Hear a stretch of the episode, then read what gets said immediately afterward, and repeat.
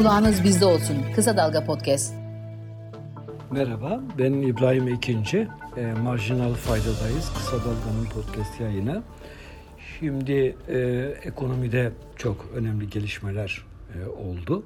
Biliyorsunuz e, Perşembe günü e, Merkez Bankası e, beklenmedik e, diyelim. Hakikaten beklenmedik bir oranda faiz artışı yaptı ve 25'e çekti. 7,5 puan birden artış yaptı faizlerde. Ve tabii işte kur korumalı mevduatta durumu belki biliyorsunuzdur. Kur korumalı mevduatta e, hükümet e, artık yine hesap açılmasını arzu etmiyor. E, mevcutların da hani yenileme dönemi geldiğinde azaltılmasını istiyor. Bankalara diyor ki siz müşterilerinizi TL mevduata geçmeye ikna edin. E, tüketici güven endeksi açıklandı. Çok sert bir düşüş gözüküyor. E, orada 15 puanlık bir düşüş var. Bir aylık düşüş bu kadar. E, bu çok sert bir düşüş. Bunu biraz yorumlayalım. Şimdi Merkez Bankası faizlerini e, yorumlarken benim tabii ilk aklıma gelen kaça geldi? 25'e çıkarılmış oldu. Şimdi bakın sadece yani 2018 yılında da Merkez Bankası faizleri 24'tü hatırlayacaksınız. Yani 5 yıl sonra dön dolaş aynı yere geldi. Fakat 2018 yılında efendim enflasyon da 24'tü. Şimdi efendim dolar 6,5 liraydı. Euro 7,5 liraydı. Açlık sınırı 1714 liraydı. İstanbul'da ortalama ev kirası 1200-2000 lira arasındaydı. 5 yıl sonra şu arada işte o NAS inadı çalıştı. Efendim gelgitler yaşandı. E, koskoca 85 e, milyonluk Türkiye'nin neredeyse 1 trilyon dolara yaklaşan bu büyük ekonomisi efendim e, kifayetsiz ellerde doğrusu efendim yönetildi. Dolayısıyla da başımıza gelmeyen kalmadı. Şimdi 2023'teyiz. Faizimiz nihayet 5 yıl önceki seviyeye döndü. Yani politika faizi o seviyeye döndü. Ama enflasyonumuz işte Merkez Bankası'nın son e, faiz kararından sonraki metinde, açıklama metninde yazılana göre bu sene e, üst sınıra yakın bitecek. Yani 62'ye yakın bitecek demek bu. Değil mi? Yani dolar 6,5 liraydı 2018'de faiz 24 iken şimdi 26 lira 26 liranın da üstünde efendim euro 30 liraya yakın efendim açlık sınırı 1700 e, liradan 11.658 liraya çıktı. İstanbul'da ortalama bir evin kirası bir emekli maaşı bir asgari ücretlerin karşılamayacağı, karşılayamayacağı kadar yüksek. 10-15 bin lira seviyelerinde. Dolayısıyla bu arada büyük bir yıkıntı yaratıldı. Şimdi bunun tabi hesabı yok. Faizleri indirmeseler bunlar e, olmayacak. Bunlar başımıza gelmeyecek. Enflasyon böyle patlamayacak. Hepimiz soyulmayacağız. Enflasyon hepimizi soyan bir şey çünkü. Efendim dolar bu fiyatlara gelmeyecek. Artacak belki ama bu fiyatlara gelmeyecek. Milyonlarca gencin geleceği çökmeyecek. İnsanlar ekmeğini, aşını, geleceğini Avrupa yollarında aramayacaklar. Yerlerini, yurtlarını terk etmeyecekler değil mi? Türkiye insan e, e, kaynağını kaybetmeyecek. Efendim vatandaş çocuğunu okul, okula besleme çantası boş göndermeyecek. Bütün bunlar niye yaşadık biz? Değil mi? Bunun bir hesabı var mı? Kim verecek bunun hesabını? Değil mi? Kim yönetiyor ekonomiyi? Ekonominin sorumlusu benim ben diye yönetiyor. Erdoğan yönetiyor. Albayrak yönetti. Nebat'ı yönetti. Değil mi? Ne diyordu Erdoğan? İşte bu kardeşiniz iktidarda olduğu sürece faizler artmayacak. Düştü daha da düşüreceğiz. Böyle büyük bir güvenle meydanlarda yüzümüze baka baka bunlar söylendi. Değil mi? Ama yarattığı yıkıntıdan sonra panik halinde döndüler geriye. Şimdi ne yapıyorlar? Efendim ağır sözlerle görevden aldıkları şimşekten medet bekliyorlar. İşte Merkez Bankası'na şu anda yıkmaya uğraştıkları Boğaziçi'li e, iktisatçıları doldurup hadi bakalım bizi kurtarın diyorlar. Yani bakalım neler olacak. Şimdi önce tabii bunu söylememiz gerekti. Naci Ağbal'a biliyorsunuz e, göreve çağırıyorlar adamı. E, işte faizleri artır, ekonomiyi düzelt. Dört ay tahammül ettiler. Dört ay sonra kovmaktan beter ederek gönderdiler. Ne oldu? Faiz geldi sekiz buçuğa. Memlekete liralaşma diye anlattılar. Liralaşma. Bakın liralaşma. Türk lirasının faizlerini düşürüp 8,5'lara enflasyon 60 70 80'lerdeyken değil mi? Düşürüp e, TL'yi hani nasıl söyleyeyim çökertip efendim bunun adını da liralaşma olarak koydular. Vatandaşa böyle anlattılar. Şimdi Bütün bunların gerçek olmadığı efendim anlaşılıyor. Bütün bu işlerin yanlış olduğu anlaşılıyor. Ama bu öyle bir yanlış ki hepimiz fakirleştiğimizle kaldık. Hepimiz, hepimizin serveti, varlığı, arabası, evi yabancılar için ucuzladı. Türkiye ucuzladı. Değil mi yani? Bak bütün bunlar niye oldu? Bütün bunlar Erdoğan'ın, Albayrak'ın, Nebati'nin memleketteki bütün tasarrufları şirketlere ucuz kaynak diye e, vermesi için oldu faizleri indirelim, şirketlere ucuz kaynak verelim. Hakikaten de Ayşe teyzenin, Ali Rıza Bey amcanın kefen parasını şirketlere ucuz kaynak yaptılar. Bunu yapmak istiyorlardı ve sonuçta bütün faturayı da kim ödüyor? Dar gelirli ödüyor, yoksul ödüyor. Zengin için domatesin fiyatının 50 lira olması bir şeyi değiştirmiyor. Parası çok. 10 katını, 20 katını, 30 katını kazanıyor zaten. Tamam mı? Ona bir şey yapmıyor ama bütün geliri işte 10 bin lira olan, 7500 lira olan emekçi için domatesin 50 lira olması büyük bir iş. Büyük bir olay. Değil mi? Biz soyuluyoruz. Emekçiler soyuluyor. Dolayısıyla böyle bir yıkıntı yarattılar ve tabii ki şey de yok. Hesabı da yok. Şimdi 7,5 puan artırım yüksek bir artırım. Evet beklenmedik. Millet 2,5 falan bekliyordu. 7,5 geldi. Bu bir kere beklenmedik ama e, para politikası e, kurulunun e, bu faizi anlatan metninde diyor ki arkası da gelecek. Yani mealen böyle demiş oluyor. Arkası da gelecek diyor. Yani 25'in de üstüne çıkacak. Tabii herkesin kafası biraz karıştı. Çünkü deniyordu ki Erdoğan %25 en fazla %25'e kadar faiz artışına izin verdi. E şimdi biz bu artışla 25'e geldik. Ama para politikası metninde diyor ki arkası da gelecek. Daha da faiz artırabiliriz. Muhtemelen Merkez Bankası 2024 için öngördüğü 33 e, enflasyona göre bir artışa doğru gidiyor. Ama hani bugün için bakıldığında bugün için işte ne dönüyor bu sene 62 ile bitecek. Dolayısıyla 62 enflasyonu tutmak için 62 enflasyona çıpı oluşturması için bu seviye yani 25 çok yetersiz. Daha ortada hala efendim 40 puana yakın negatif faiz var. Bunun yeterli olmayacağı açık. Şimdi bunun dışında hani bu faiz artışının neler e, gösterdiğini e, tartışırken söylememiz gereken bir şey e, yeni metinde enflasyonun hani örtük olarak enflasyon hedefinin daha doğrusu tahmininin örtük olarak artırılması da oldu. Çünkü biliyorsunuz bir süre önce yeni Merkez Bankası Başkanı Gaye Erkan enflasyon raporunu açıklarken 2023 için 58 demişti tahmini. Fakat bu para politikası metninde anlaşıyoruz ki Merkez Bankası buna da pek e, güven, e, daha doğrusu buna da pek ihtimal vermiyor. Daha yüksek olacağını bekliyor. Çünkü para politikası metninde 62 diyor. Bu do, muhtemelen doğru.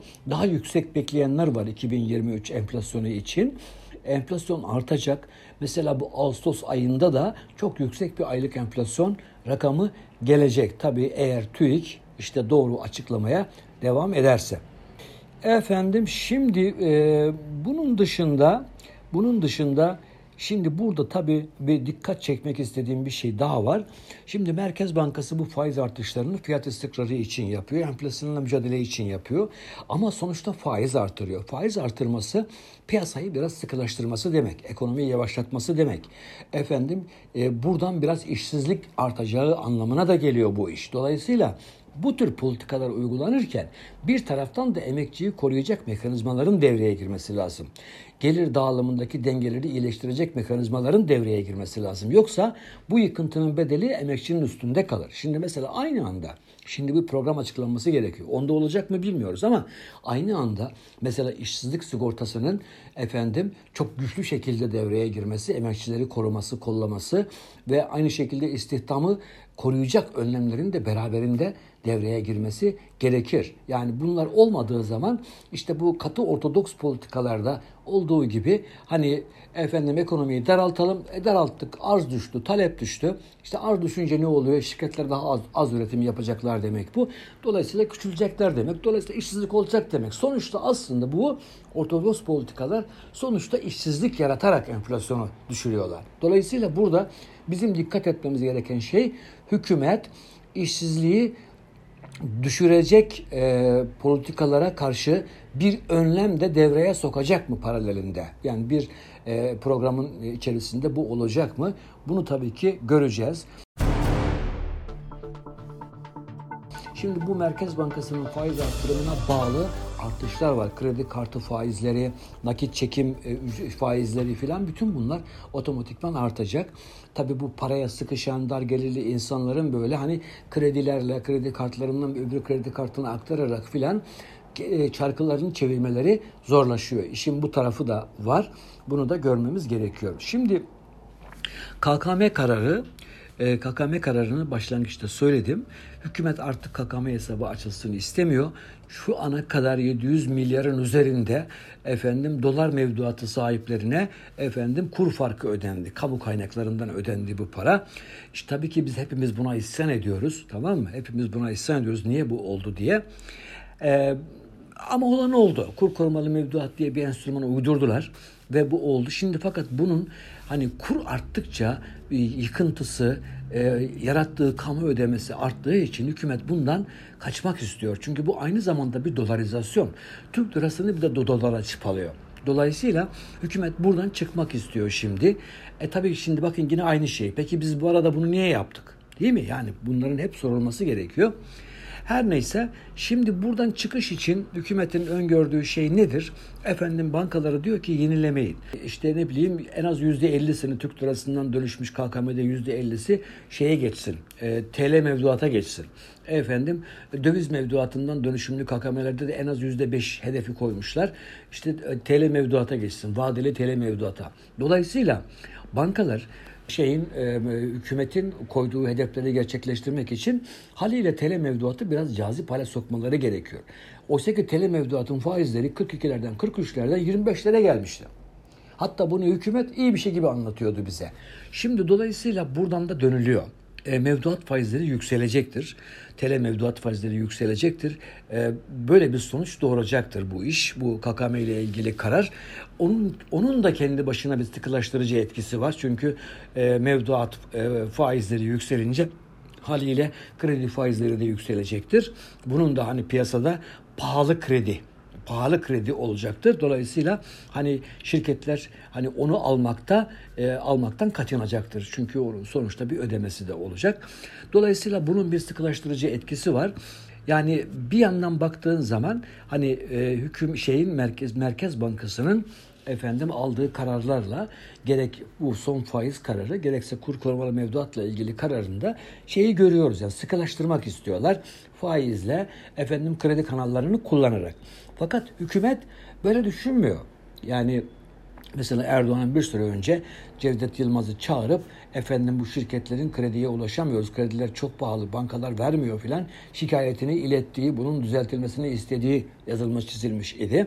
Yine mesela bu arada e, Sanayi ve Teknoloji Bakanı Ömer Bolat efendim e, bir açıklamasında işte bankalar şirketlere kredi vermeye mecbur olacaklar filan. Nasıl mecbur olacaksa bilemiyorum.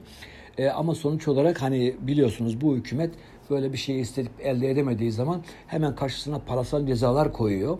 Efendim işte zorunlu karşılık artışları getiriyor. Efendime söyleyeyim menkul kıymet tesisi zorunlulukları gibi şeyler getiriyor. Velhasıl söylemek istediğim Merkez Bankası kanalından ekonomide sıkılaştırma eğilimi var, isteği var, arayışı var. Enflasyonla mücadele böyle olur, e, böyle yaklaşıyorlar.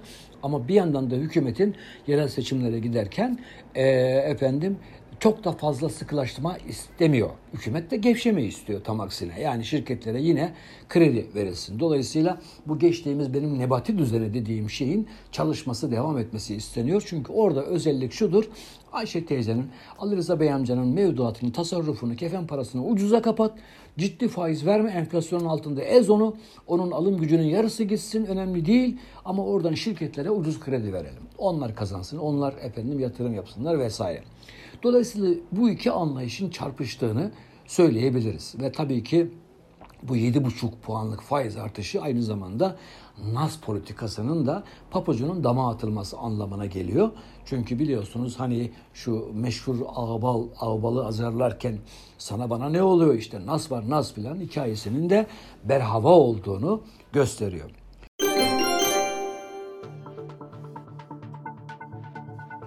Şimdi bunun dışında bu hafta size söylemek istediğim bir şey e, bir Vigos'ta tüketici güven endeksi. Bu güven endeksinde çok sert bir düşüş oldu. Seçimlerden sonra yağan yağmur gibi zamlar, vergi artışları tüketicinin güvenini çok e, etkilemiş gözüküyor.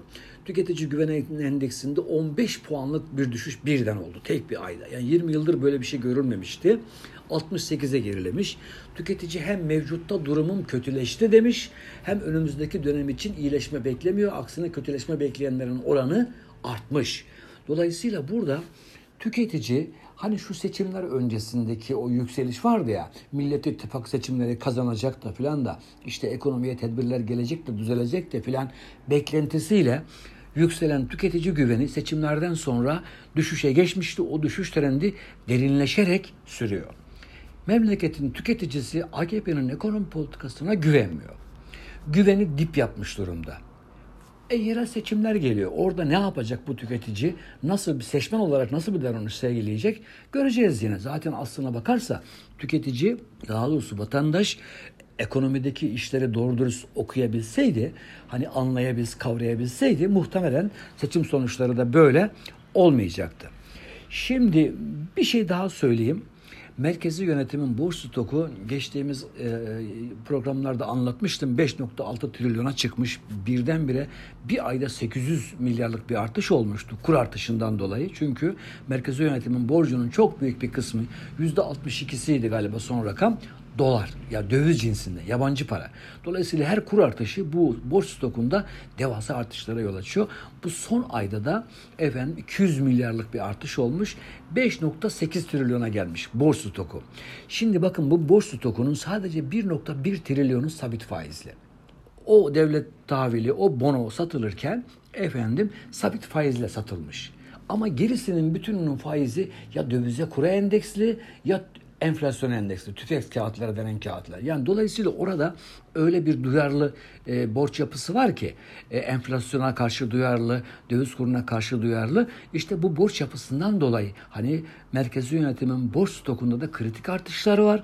Bu borç stokunun yapısı çok kritik kurdaki her değişiklik, enflasyondaki her yükseliş buradaki borcu katlıyor, yükseltiyor ve tabii ki bunların çevrilmesi demek efendim hazinenin yine devasa devasa büyük büyük borçlanmalar yapması demek, büyük büyük büyük büyük faizler ödemesi demek, vatandaşa yol, su, elektrik olarak dönmesi gereken kaynakların faiz ödemelerine gitmesi demek. Böyle bir tabloyla da karşı karşıyayız.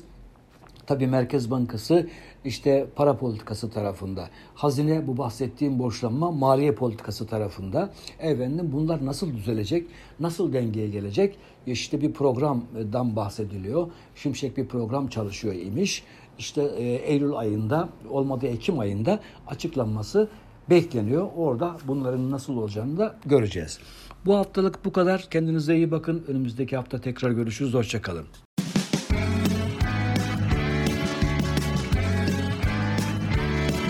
Kulağınız bizde olsun. Kısa Dalga Podcast.